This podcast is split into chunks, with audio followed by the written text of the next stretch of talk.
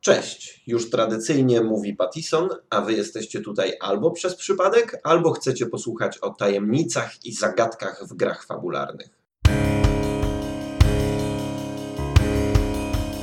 Zagadki w grach fabularnych wydają się być nieodłącznym elementem konwencji kryminalnej czy horroru.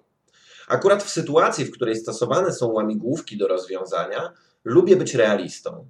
Lubię, gdy to, do czego rozwiązania dążę, absorbuje mnie na poziomie fabularnym, jak dobry serial. A co za tym idzie, jest dobrze osadzone w rzeczywistości przedstawianego świata. Jestem tym typem gracza, który nie znosi szarat pojawiających się na sesji w roli elementu, który należy rozwiązać, by przesunąć jakkolwiek fabułę do przodu. Lubię, kiedy porażka napędza naszą historię. Nie lubię, gdy moje możliwości intelektualne mają odwzorować w pełni możliwości intelektualne mojego bohatera. Gdy gram genialnym matematykiem, sam nim nie będąc, oczekuję, że rozstrzygnę wzór zostawiony przez zamordowanego profesora rzutami, a mistrz gry nie będzie mnie zmuszał w trakcie sesji do faktycznych obliczeń. Właśnie o tym i o innych rzeczach często zapominamy, tworząc dla naszych graczy zadania. Jeśli ktoś chce spędzić szalenie pasjonujące popołudnie układając kostkę Rubika, wyciągnie z szuflady kostkę Rubika. Kiedy ja idę na sesję, to po to, by grać w RPG. Nie po to, by murzyć się nad szaradami wyciągniętymi z pojedynku Bilba ze Smigolem i na pewno nie po to, by siedzieć nad wspomnianą już kostką Rubika. Sam jako mistrz gry bardzo rzadko sięgam po prawdziwe zagadki jako element mechaniki, czy właściwie metatechniki, a jeśli już to robię, to ostatnie na czym mi zależy, to doprowadzenie do sytuacji, w której przez dwie godziny czasu gry moi gracze będą rozwalać trójwymiarowe sudoku. Już pominę fakt, że RPG są zabawą społeczną i zespołową, a rozwiązywanie zagadek, nie licząc kalamburów, ma raczej charakter dramatycznie indywidualny. Przechodząc z mojego roastu na MG, którzy mylą swoją rolę z rolą gospodarza programu Miliard w Rozumie, chcę Wam opowiedzieć o jeszcze jednym sposobie kreowania tajemnic, którego osobiście nie znoszę, który wybija mnie z immersji i nie pozwala skupić się na grze fabularnej, bo ma charakter diabelnie wciskający mnie na tą przestrzeń metagry.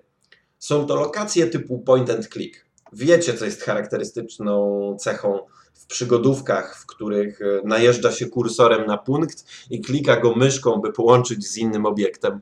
E, po pierwsze, widzimy lokację i wiemy, na co możemy kliknąć. To jest ważna cecha, której RPG nie posiadają. Po drugie, rozwiązania stosowane w takich grach są dramatycznie liniowe i z reguły, jeśli mamy linę, to musimy przywiązać ją do konkretnego wiadra, by zrobić z niej nunchako. Są to rzeczy, na które bohater wiarygodnej historii i normalny człowiek, nieprzygotowany na godziny karkołomnych kombinacji, nie ma prawa sam z siebie wpaść. A jeśli skupi się na tyle, by to zrobić, to wybaczcie, ale serio nie gra już w RPG gra w przygodówkę point and click przełożoną z komputera na stół. I o ile jestem zwolennikiem opinii, według której wasz RPG może przebiegać tak, jak lubicie, to nikt mi nie wmówi, że ten styl gry ma z nim cokolwiek wspólnego. Nad gatunkami i typami zabaw możemy długo się rozwodzić. Pragnę jednak zauważyć, że są gry planszowe, w których pojawia się osoba będąca mistrzem gry, jak choćby posiadłość szaleństwa, czy nawet tajemnicze domostwo, i nikt nie wypisuje na ich pudełkach, że są grami RPG. Typowe dla tak skonstruowanych przygód jest też tworzenie lokacji, które są escape roomem. Nie uważacie, że jest coś nienaturalnego w tym, że każdy psychopata w waszej kryminalnej czy horrorowej kampanii buduje w swojej posiadłości escape room? Że każdy musi nadźgać swoją chatę szalonymi zagadkami i zostawiać wam podpowiedzi w formie pamiętników pisanych pół sekundy przed śmiercią lub zaginięciem w tajemniczych okolicznościach? Nie bije to w wasze zawieszenie niewiary, nie powoduje pewnego zgrzytu w odbiorze rzeczywistości prezentowanym przez mistrza gry i nie sprawia, że wszystko wam się przestaje w tym świecie logicznie kleić? Popkultura obfituje w przewspaniałe wzorce złych gości, którzy toczą niebezpieczną grę z ludźmi, którzy mogą chcieć ich ścigać.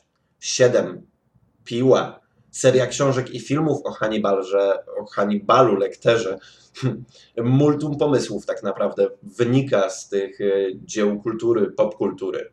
Spośród realizujących je świrów tylko Jigsaw z Piły budował escape roomy, a i on robił to z jakimś wyczuciem i smaczkiem, co często nie jest odwzorowywane w grach fabularnych w sposób zręczny.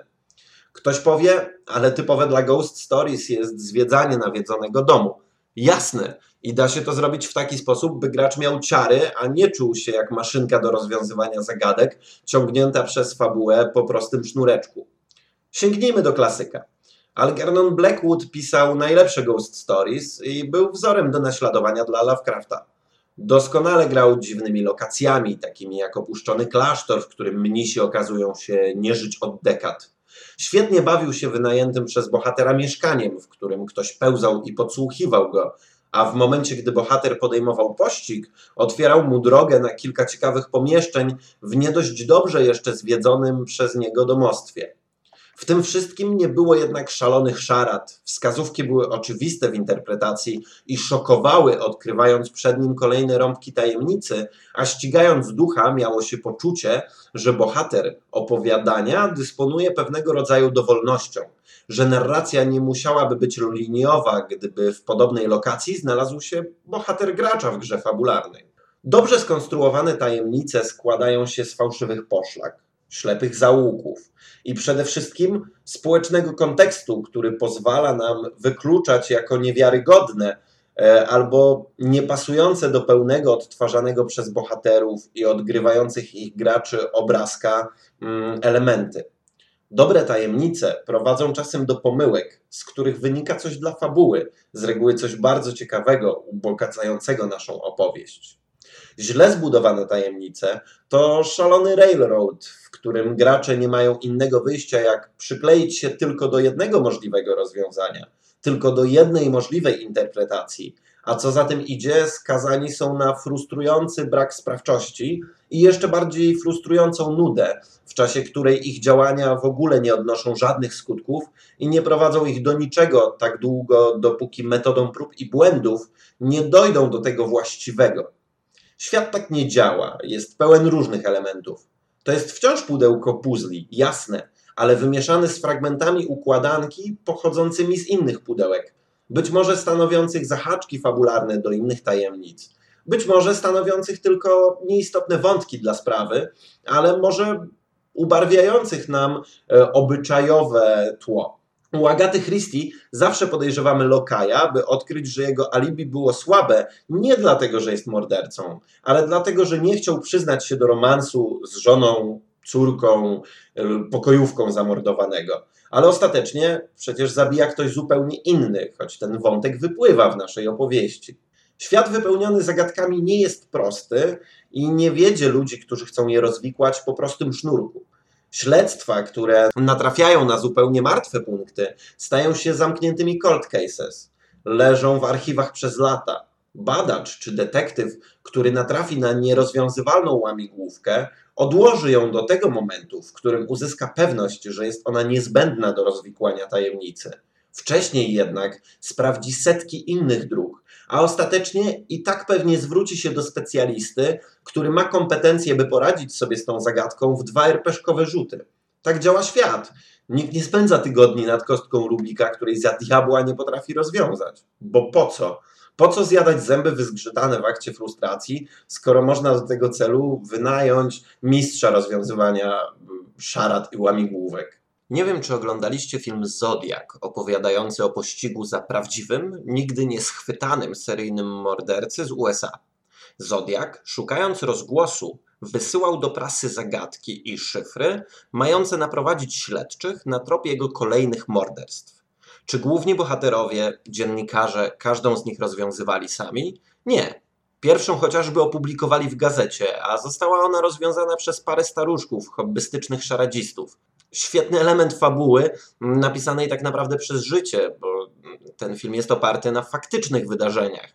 Więc e, jak sami widzicie, nie ma żadnego problemu w tym, że to nie bohaterowie rozwiążą jakiś problem czy zagadkę, nie bohaterowie graczy, którą umieścicie w swojej przygodzie, w swojej narracji, w swojej historii. Warto też szykując się do prowadzenia kryminału opartego o lokacje, obejrzeć kilka seriali dokumentalnych czy paradokumentalnych o tym, jak wyglądają miejsca zbrodni. Mieć świadomość jako mistrz gry, na czym na podstawie swojego myślenia, będącego efektem oglądanych seriali i czytanych książek, będą skupiać się nasi gracze, odgrywając swoich bohaterów. Tak, każdy oglądał i zna z popkultury jakieś kryminały i w pierwszej kolejności będzie myślał o podsuniętej mu do eksploracji przestrzeni, dokładnie tak, jak bohaterowie tych e, materiałów stanowiących dla niego pewne źródła i inspiracje zachowań, m, które rozumie instynktownie przez to, że czytał, oglądał te rzeczy. Właśnie na te elementy będzie zwracał największą uwagę. Nie pomyśli od razu o podniesieniu stołka, tylko dlatego, że pod spodem ktoś mógł przykleić kartkę z kalendarza, która powinna mu zasugerować ważną datę dla ofiary lub sprawcy. Kto w ogóle tak robi? Nawet w serialach. No kto? No, niektórzy mistrzowie gry, niestety. Dając do eksploracji lokacje, musisz też bardzo skupić się na przejrzystości swojego opisu.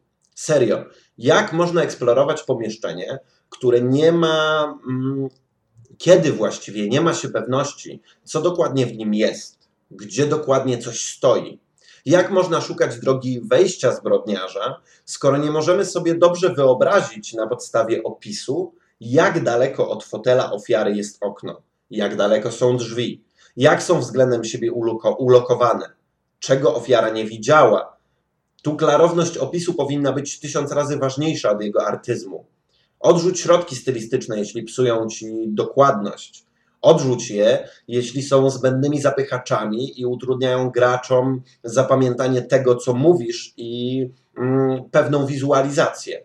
Przestań być dekoratorem wnętrz. Na ten czas bądź architektem. Jeśli trzeba, narysuj sobie rzut tego pomieszczenia, możliwie dokładny, bo w kryminałach i innych konwencjach z zagadkami te lokacje, zauważmy, są szalenie dokładnie pokazane. Znów odsyłam do klasyków. Przeczytajmy dowolny opis miejsca zbrodni u Agaty Christie. Ona potrafi zasugerować w swoim opisie, że krzes krzesło spod ściany, pozornie nieważne dla sprawy, stoi w dziwny sposób. Kiedy, kiedy czyta się jej książki, widzi się dokładnie oczyma wyobraźni pomieszczenie, które bada i ogląda mm, jej bohater Herkules, Herkules. Jeśli prowadzicie przygodę, której występuje morderstwo, warto też dokładnie opisać wynik ewentualnej autopsji czy oględzin ciała. Nie chodzi o to, by stworzyć dokładne opisy trupa, ale przedstawić szczegóły, które go dotyczą, a z których bohaterowie mogą wyciągnąć wnioski. Im mniej szczegółów zawrzecie, tym większa szansa, że bohaterowie dokonają nadinterpretacji albo na odwrót, przegapią coś istotnego. Jeśli współopisujecie świat w ramach rozgrywki, może to nie być żadnym kłopotem. Gorzej, gdy gracie konwencjonalnie i z powodu nieczytelności takiego opisu, intryga zawarta w fabule sypie się nagle jak domek z kart. Za tydzień ugryzę dla Was dokładniej społeczny kontekst tajemnic i zagadek i to, jak budować postaci świadków i podejrzanych jako element pewnego społecznego i kulturowego kontekstu. Pomówię też o kulturowych zagadnieniach związanych z sytuacją społeczną, jaką jest e, śledztwo w ogóle. Podsunę Wam też kilka użytecznych narzędzi do projektowania zawiłych międzyludzkich spraw, posiłkując się przykładami z ukochanych dla mnie psów w winnicy. Bo pamiętajmy o tym, kryminały, tajemnice, sekrety to przede wszystkim zawiłe międzyludzkie sprawy. To z nich wynikają te e, elementy świata martwego, nienaturalnego, na które natrafiają nasi bohaterowie. Na koniec pragnę jeszcze raz ogłosić, że razem z moimi przyjaciółmi z grupy Lance Macabre, ze świetnymi ludźmi z kanału Dobre Rzuty i Wojtkiem Termosem Tremiszewskim będziemy od piątku streamować naszą kampanię Kociełby w systemie Ostrza w Mroku. Na pierwszej sesji mnie nie zobaczycie, bo nasza przestępcza działalność będzie rozgrywana rotacyjnie. Poszczególne ekipy wchodzące w skład naszej szajki będą się zmieniać. Gramy to jako RPG dla lekarzy, więc cel realizacji tego streamu jest bardzo szczytny. Koniecznie wpadnijcie śledzić losy naszej bandy. Stay tuned. Do usłyszenia za tydzień, kochani.